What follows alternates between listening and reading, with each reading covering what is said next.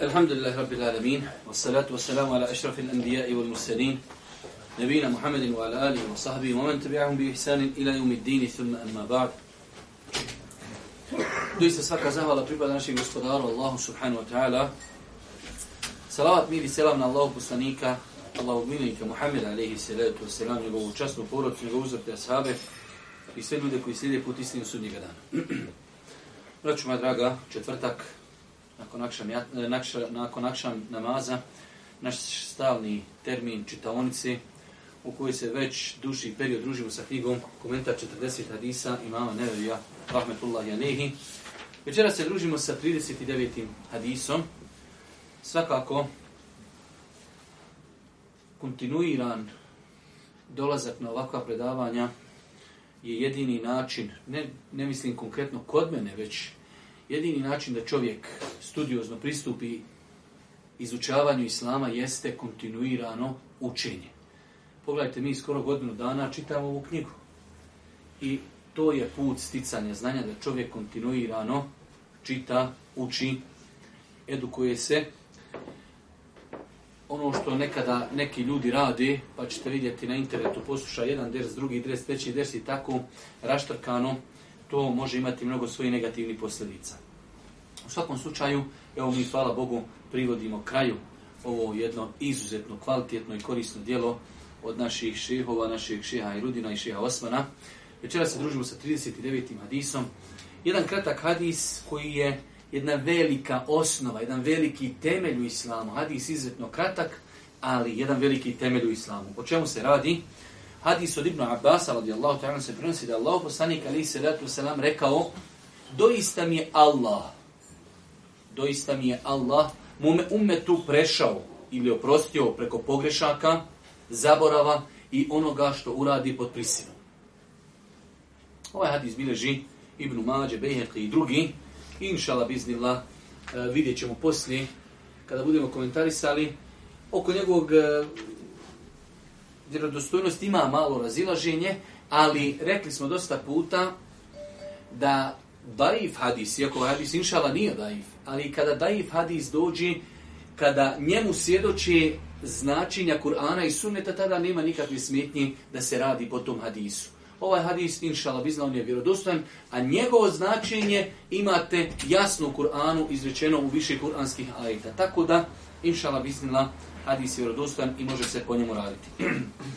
Prva stvar, napravit ću vam kraći komentar, nakon toga ćemo standardno prijeći na čitanje koristi ovog hadisa. Prva stvar, vidimo ovdje, kaže Allah poslanik, doista mi je Allah mome umetu prešao, oprostio tri stvari. Ono što uradi iz greške, ono što uradi iz zaborava i ono što uradi pod prisunom.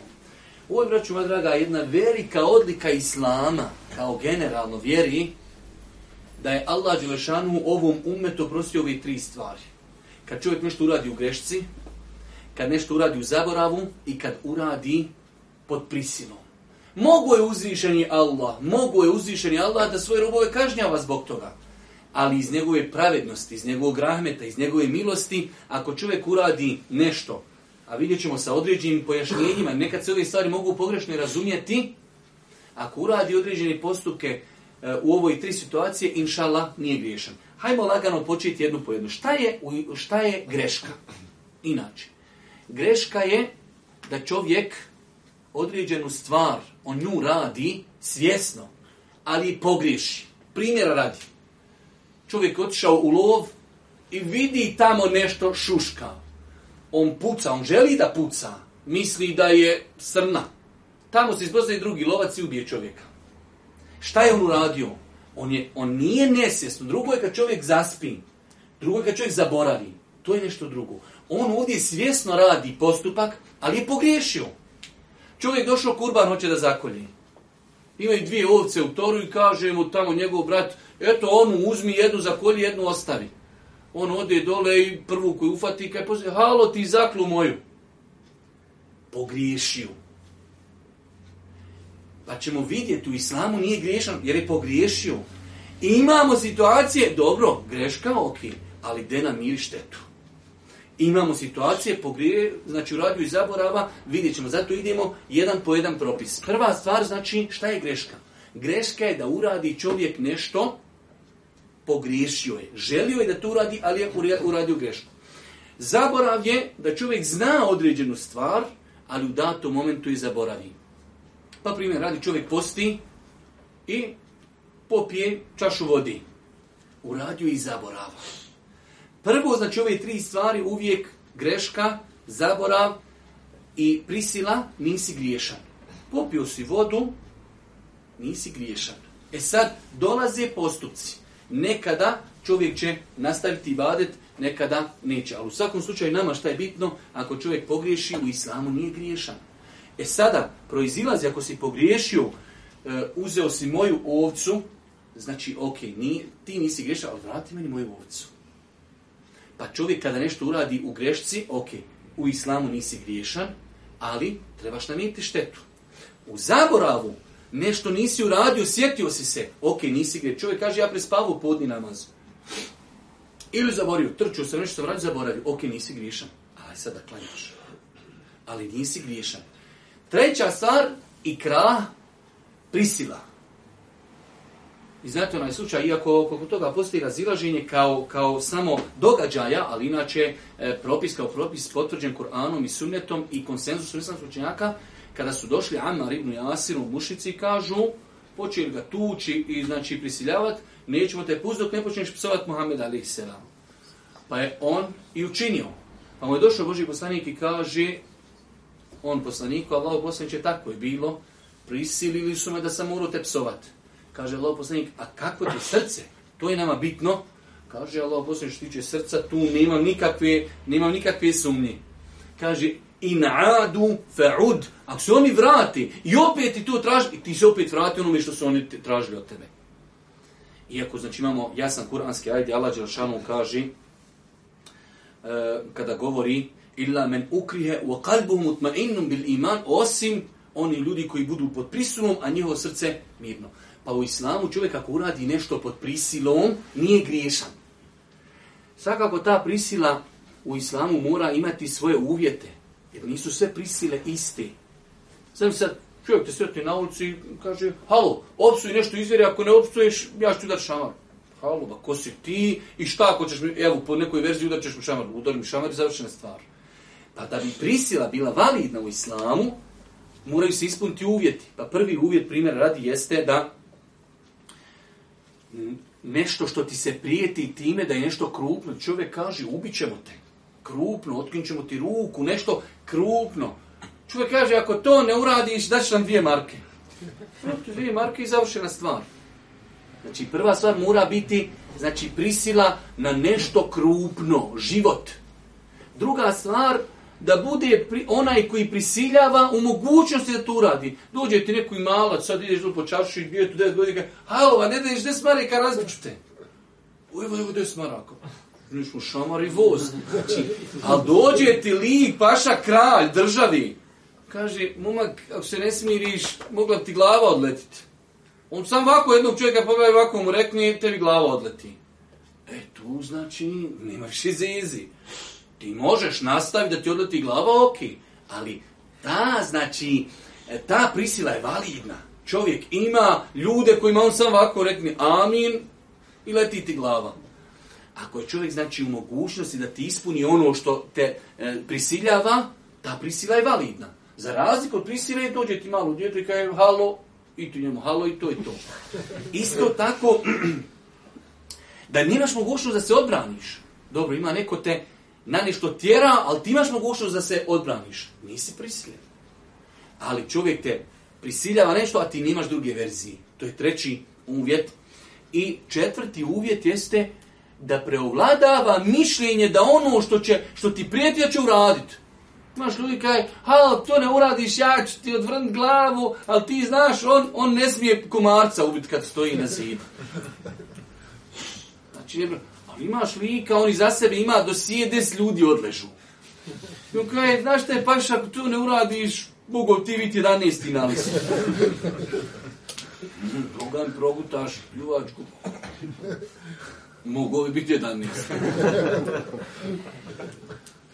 Znači, to su uvjeti, to su uvjeti da bi taj ikra prisila bila validna. Imaju neke stvari čak i u prisili nisu dozvoljene. Primjera. I to uslamski učenjaci navode uvijek kao primjer. Dođe neko i kaže, mi te prisilam da ti nekog ubiješ. Šta je moj život skuplji od njegovog? Neću. Tada nema pri Ne može me niko natjerati da ja uzmem neći život.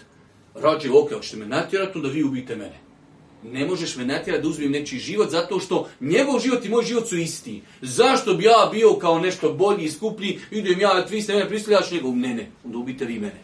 Pa nema prisile na ubistvo, opet ima jedan izuzetak. Uzmu čovjeka svežu ga i gore ga negdje podignu ga na zgradu i dole najđe drugi čovjek i na njega ga puste, gruhne dole i ubije čovjeka. E sad više ti nisi imao mogućnost da se odupriš. Od ljudi kao životinu. Prišto ti će nekog ubiti, kao, pa hoću, ono, ja i on, pa on, bolje da ja ostanim živ. Ne može.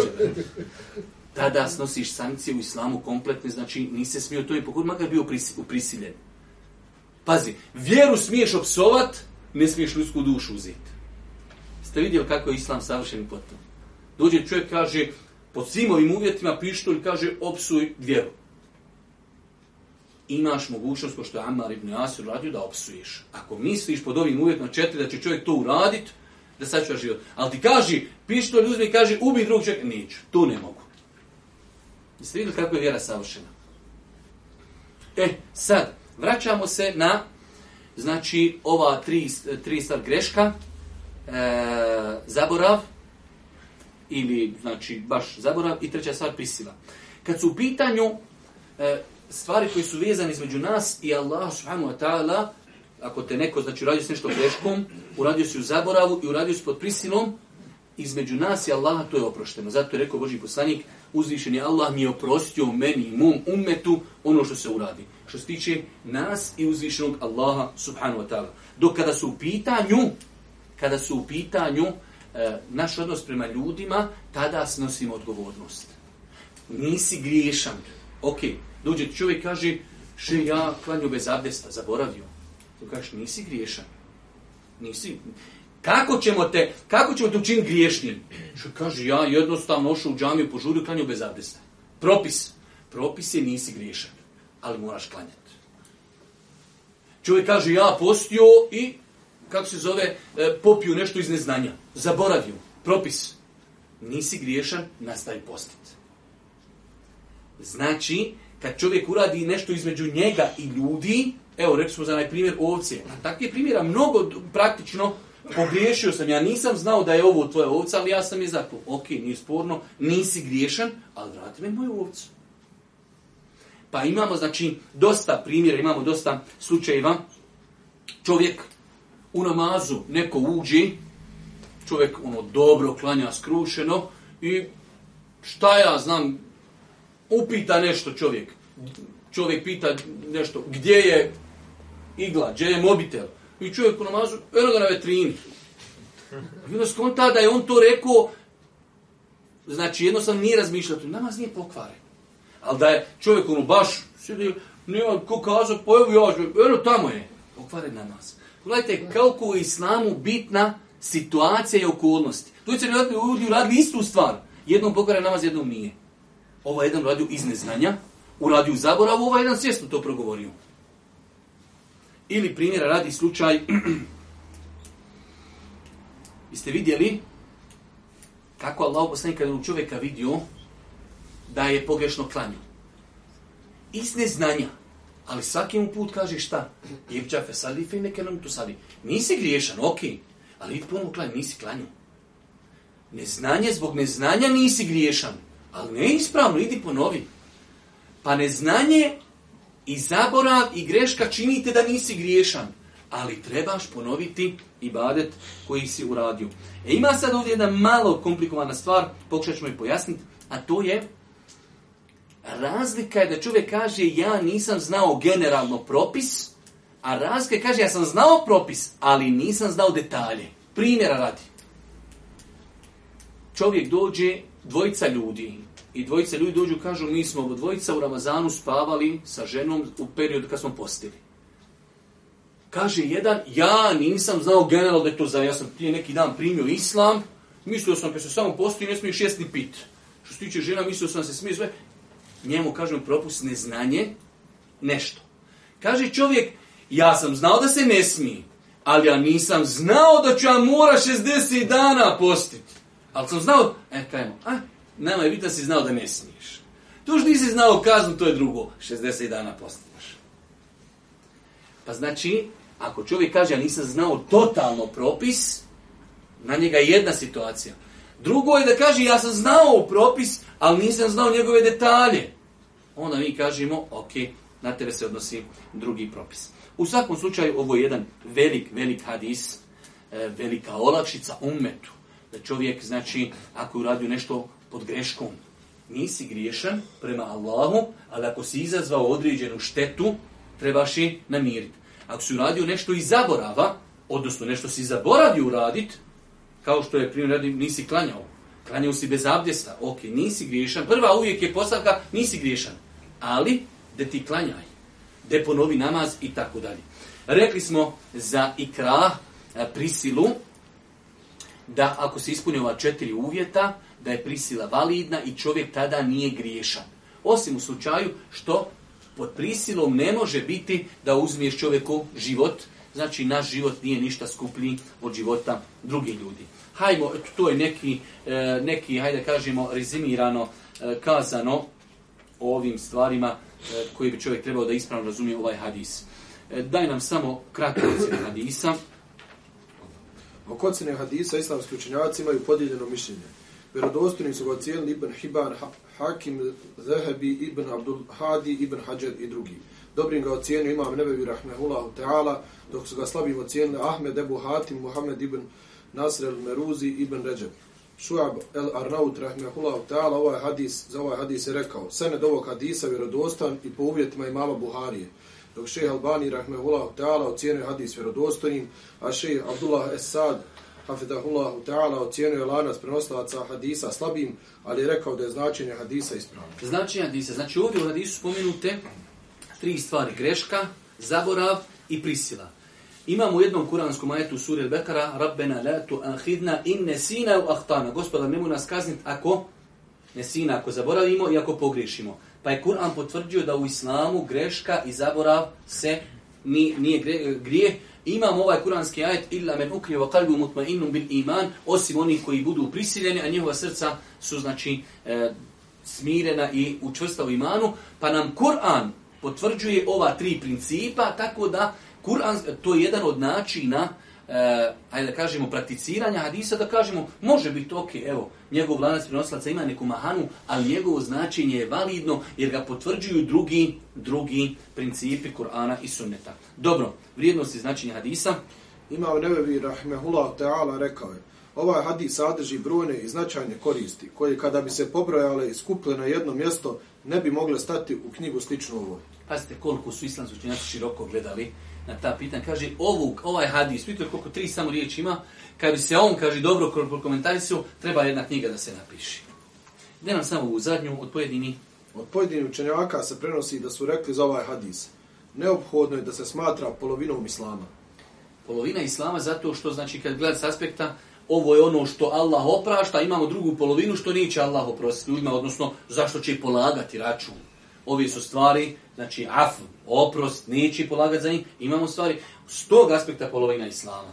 Znači imamo stvari za koje ćemo nasudnje dan biti pitani, imamo stvari za koje nećemo. Ove tri stvari nećemo biti pitani. Pa on je u tom kontekstu polovina islama. Tema hadisa. Ovaj hadis pojašnjava da uzvišeni Allah ne obračunava grijehe koje sedbenici vjerovjesnika sallallahu alaihi ve sellem počne nenamjerno i zaborava i pod prisilom. Ok, idemo na komentar hadisa.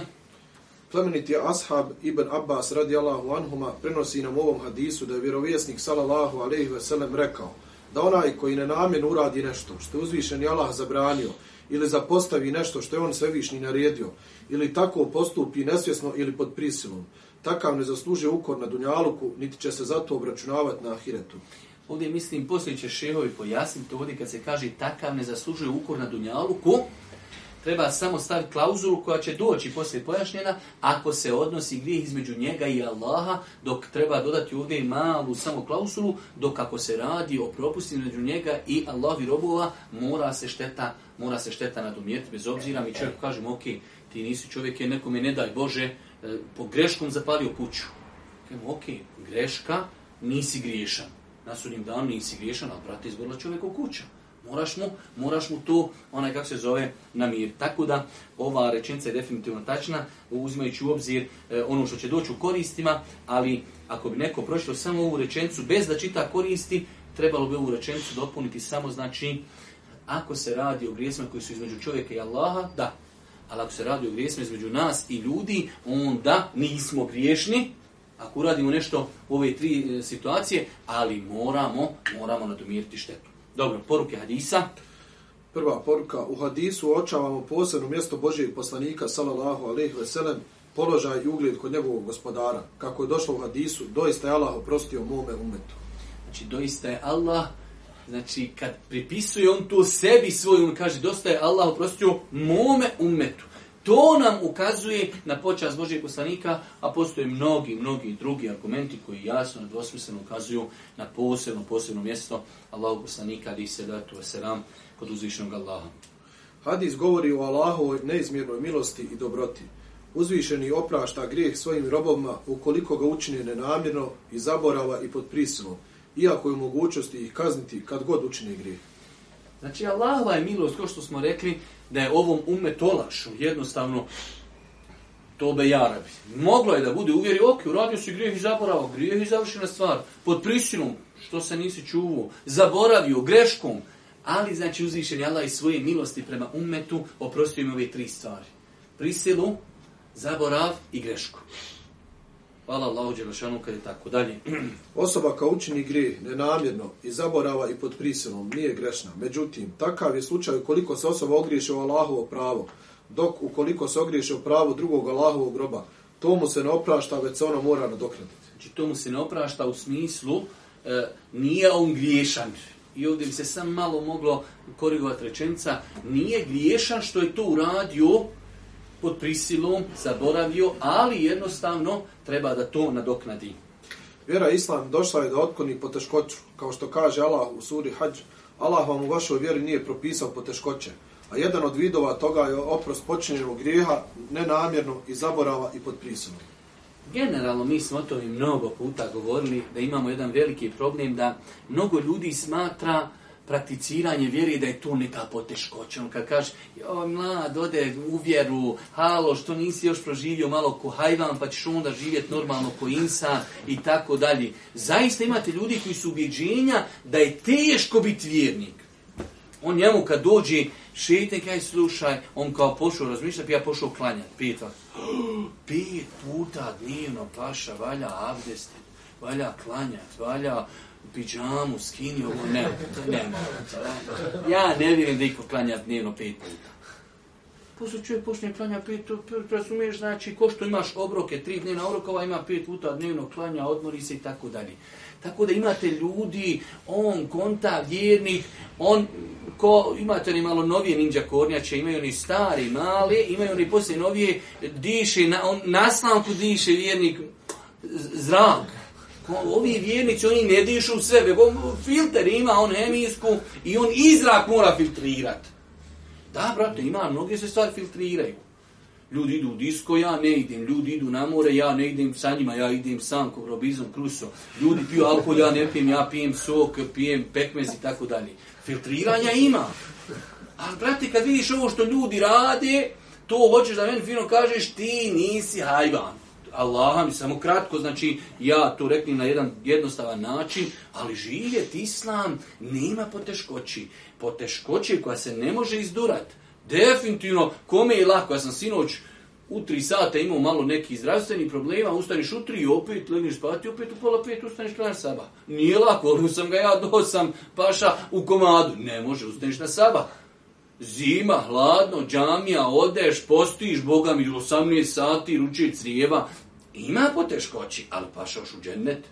Čime bi ga zaradio?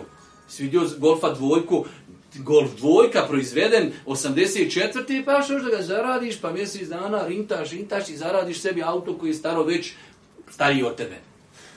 E, znači, ako ja se moram potruditi za golfa dvojku da dadim dva pršljena, pa onda za džennet moram dati kičmu kompletnu i sve što imam i krvi i mesa. Pa to znači, e, kad ljudi imaju tu ubjeđenje, svakako da je to od šetana, e, kako se ljudi ne bi vraćali vjeri, vjera teška. Nije vjera teška. Vjera je u osnovi laka. Ali mora postojati dio, dio iskušenja, dio nekog procesa da nešto zaradiš. Gdje to ima da na dunjalku dobiješ nešto besplatno? Nema paša nigdje. Kaj mogu da dobiješ džennet Allahu vječni besplatno? pa se čovjek mora potruti, ali generalno, samo što je šetan tu ljudima uljepšu grijehe, pa oni ne vidi šta je problem droga, alkohol, razgoličenost, kamata, prevara, blud, to njima nije problem. E tu oni misle da je tebi kao, joj, rad, ne ide na ekskurziju, kako on može izdurat, mi svi idemo i tako dalje. Paša, daleko ti kuća od moje bila. Dalje. Hadis indirektno ukazuje da će se grijeh koji se učini namjerno, svjesno i svojevoljno obračunavati. Ha, ovo je ono što smo govorili dosta puta, mefhumul muhalefa, obrnuto od ono što je kazano.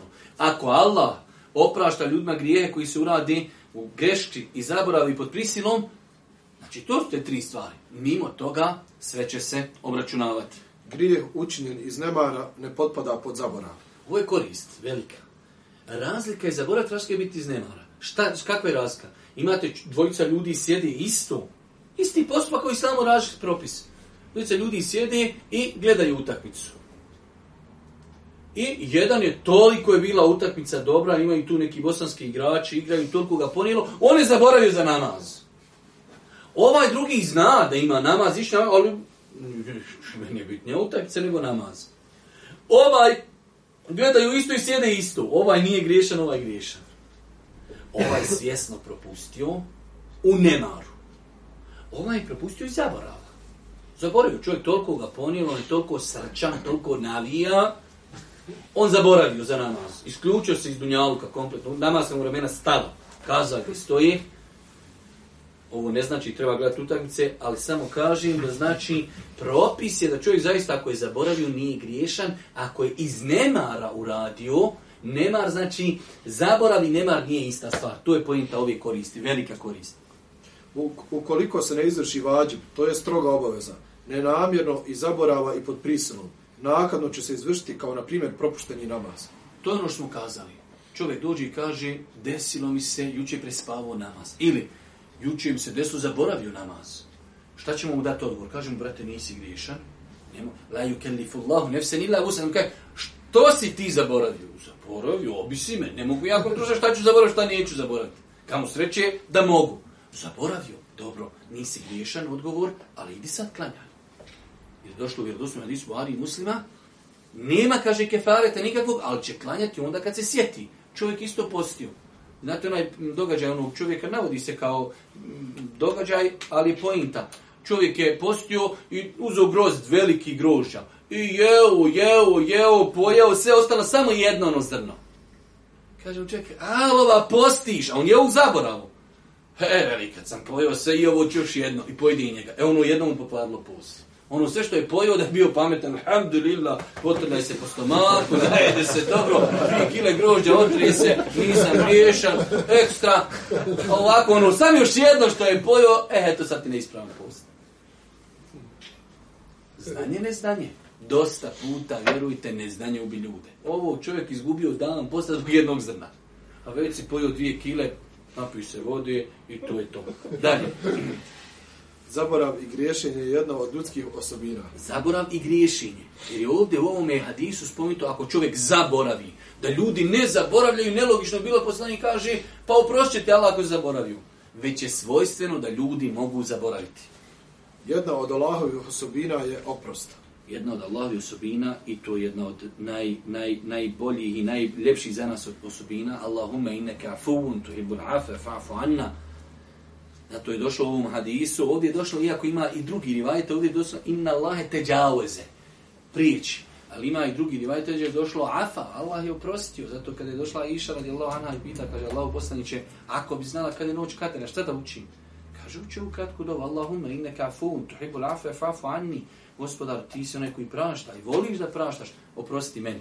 Pa je Allahovo svojstvo spomenuto ovom hadisu indirektno kaj te džavojze, prešao im je preko toga. Jednostavno prešao, znači oprostio im i neće, neće polagati račun za to. Oprost grijeha počinjenog iz nemara i zaborava i pod prisilom svojstven je islamskog umetu mimo drugih umeta, što, pokazu, što ukazuje na vrijednost ovog umeta na drugim umetima. Jer ovdje je došao Boži poslanik, ali se da tu se nam spominje, Allah je mom umetu, ne drugim umetima. Hvala Allah, Đelšan, ovaj umet e, ima svoje mnoge e, odlike, ima svoje e, pozitivnosti, prolazimo mi možda kroz nešto što neki drugi narodi nisu prošli, ali definitivno ovaj umet e, ima, ima dosta odlika. Jedna od ovih jeste i odlika e, da, da ako insan uradi nešto u ove tri situacije, da će mu inšala biti oprošteno. Propise vezane za grijeh koji se učini nenamjerno i zaborava i pod prisilom definišu islamski učenjaci na osnovu Kur'ana i Sunneta.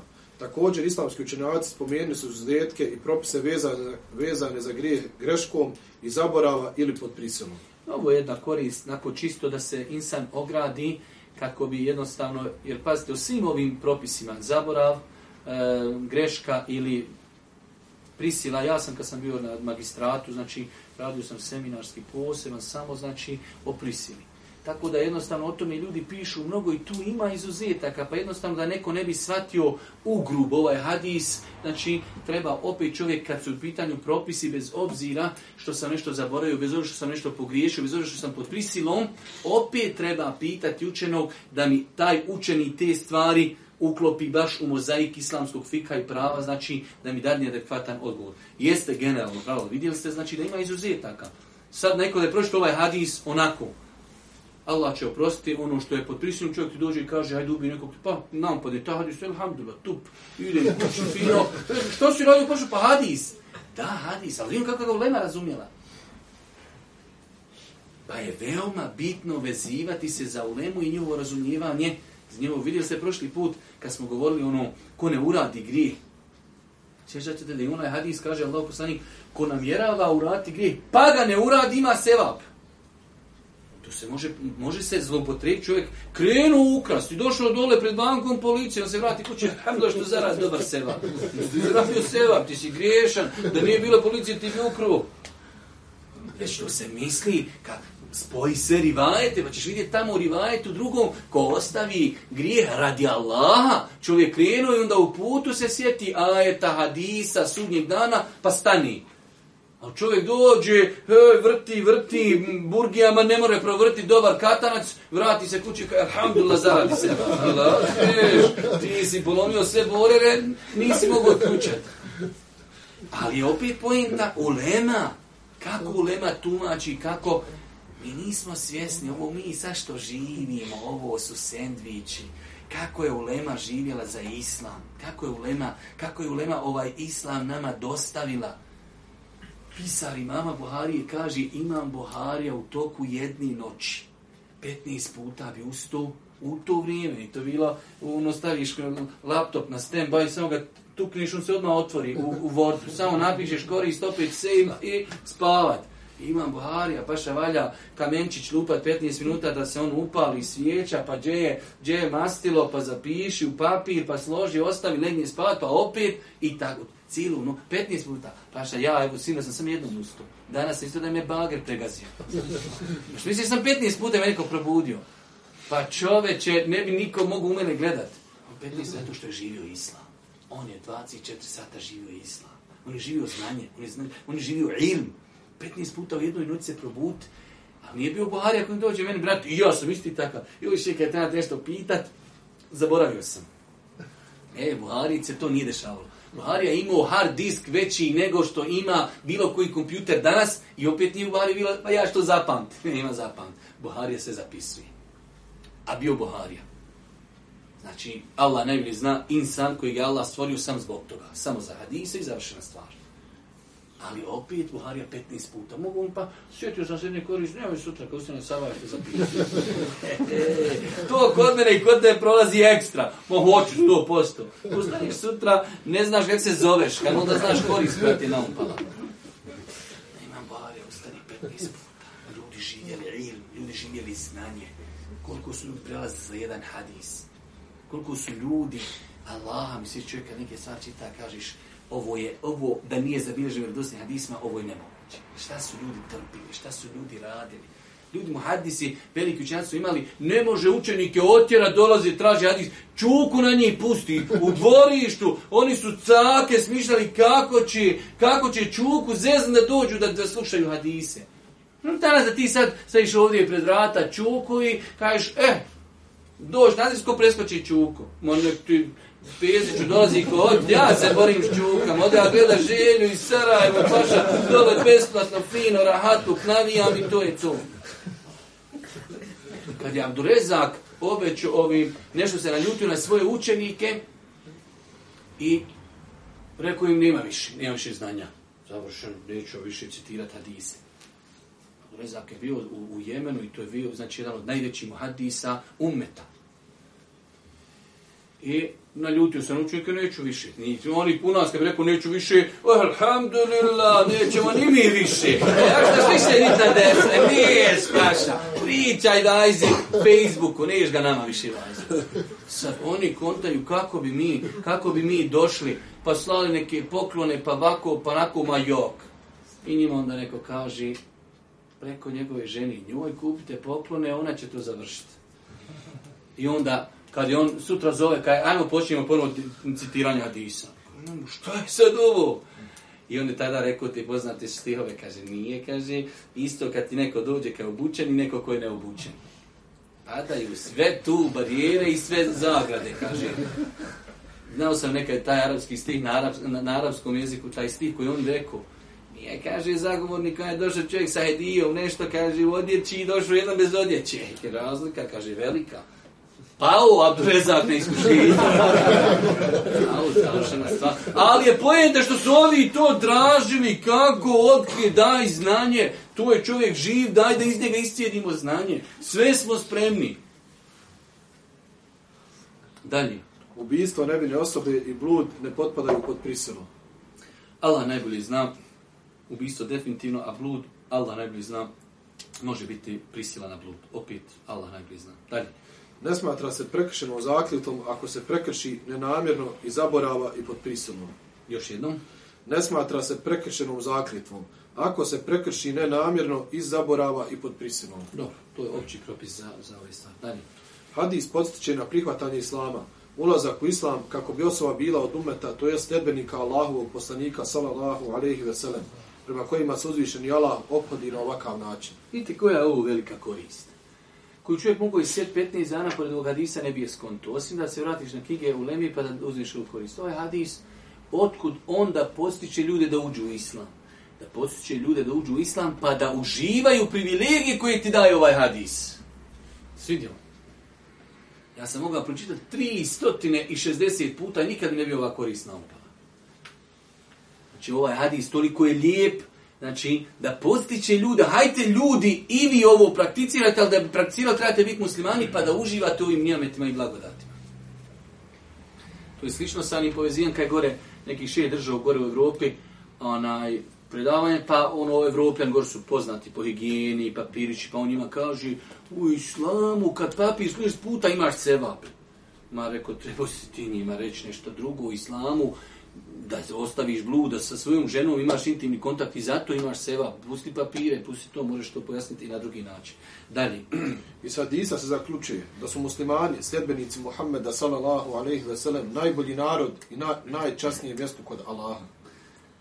Ovo je zadnja korist, još jednom nam je ponovim. Iz hadisa se zaključuje da su muslimani, sedbenici Muhammeda sallallahu alejhi ve sellem, najbolji narod i na najčasnijem mjestu kod Allaha. Mm, ne baš direktno, ali znači ako bi uzeli s aspekta da je uzvišen Allah ovaj umet počastio time, a ta počast istoga proizilazi da su oni najbolji narod, moglo bi se to tako inšala protumačiti. U svakom slučaju, ova me je zagovicala 12. korist, ako nekome patni na pamet, ako možete naći negdje u knjigama, da li je neko od uleme na bosanskom jeziku govorio da li ubistvo kaj nevine osobe i blude potpadaju pod prisilu. O, osobe, rekli smo za ubistvo, znači da nam neko do sljedećih put, do četvrtka, pokuša naći ima li negdje na bosanskom jeziku u knjigama da je neko govorio da li e, blud potpada pod prisilu ili ne potpada. Da vidimo, onaj, to je ko neka domaća zadaća. U svakom slučaju, e, ovaj hadis je zaista jedan veliki hadis, e, jedna velika blagodat Allaha prema umetu, vidite do te mjere da, da, da je to stvar koja bi trebala da ljude plijeni da budu muslimani, da potpadnu pod ovu privilegiju, a to je da im bude oprošteno ono što uradi greškom, ono što uradi zaborava i ono što uradi pod prisilom. Uzvišnog Allah subhanahu wa ta'ala molim da nas učesti sve zajedno na putu istine, da nas poduči korisno u stanu i kraju subhanahu wa ta'ala molim da nas učesti sve zajedno na putu istine, da nas poduči korisno u stanu i kraju subhanahu wa ta'ala molim da nas učesti sve zajedno na putu istine, da nas poduči korisno u stanu i kraju subhanahu wa ta'ala molim da nas učesti sve zajedno na putu istine, da nas poduči korisno u stanu i kraju subhanahu wa ta'ala molim da nas učesti sve zajedno na putu istine, da nas poduči korisno u stanu i kraju subhanahu wa ta'ala molim da nas učesti sve zajedno na putu istine, da nas poduči korisno u stanu i kraju subhanahu wa ta'ala molim da nas učesti sve zajedno na putu istine, da nas poduči korisno u stanu i kraju subhanahu wa ta'ala molim da nas učesti sve zajedno na putu istine, da nas poduči korisno u stanu i kraju subhanahu wa ta'ala molim da nas učesti sve zajed